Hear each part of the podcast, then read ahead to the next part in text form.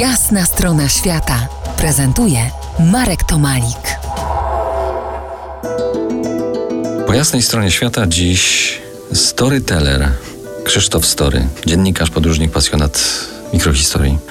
Krzysztofie, budujesz swoje mikrohistorie na podstawie rozmów z nieznajomymi, wydawać by się mogło e, zwykłymi z pozoru ludźmi. Pojawiają się pewnie z Twojej strony także trudniejsze pytania.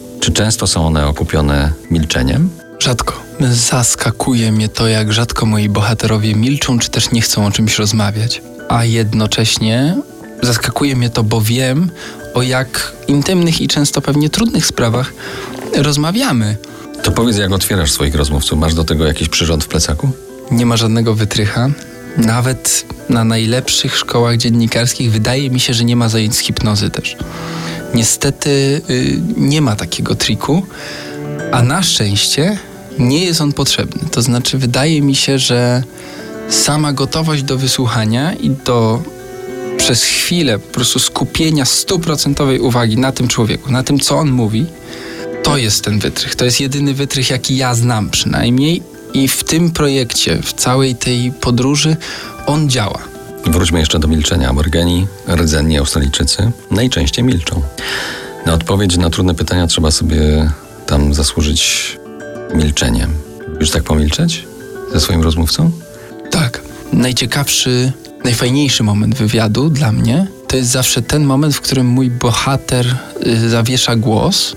I teraz jest taka automatyczna pokusa dla mnie, jako dla dziennikarza, jako dla człowieka też, żeby tę ciszę, która robi się niezręczna im dłużej trwa, żeby ją przerwać jakimś następnym pytaniem, jakimś następnym wątkiem.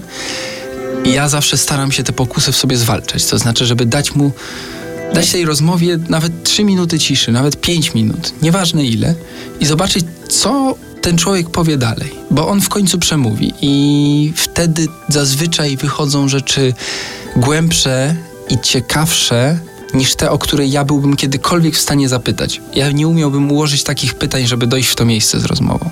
A czy to nie jest trochę też tak, że ludzie po prostu chcą być yy, wysłuchani? Taka spowiedź bez konsekwencji w zaświatach? Tak mi się wydaje. To też widać. Yy po wielu takich przypadkowych spotkaniach, sam e, w podróży na pewno byłeś tego świadkiem czy uczestnikiem, że spotkanie z zwłaszcza z podróżnikiem, z człowiekiem, którego zaraz nie będzie, który zaraz gdzieś zniknie za tym horyzontem, za najbliższą górką, za rogiem, powoduje, że czujemy się troszkę bezpieczniej i powoduje, że bardzo szybko otwieramy się bo tak naprawdę z tego, z czego potrzebujemy się najczęściej wygadać od dawna, tylko nie mamy jakoś okazji. Nie mamy jakiejś takiej bezpiecznej przestrzeni, w której moglibyśmy to zrobić, a tu nagle pojawia się taka czarna skrzynka, w którą to wszystko możemy wrzucić, ona sobie odjedzie za ten horyzont, e, a, my, a nam jest może trochę lżej, albo tak mi się wydaje. Za niejaki muzyczny kwadrans. Wrócimy do mikrohistorii. Zostańcie z nami po jasnej stronie świata.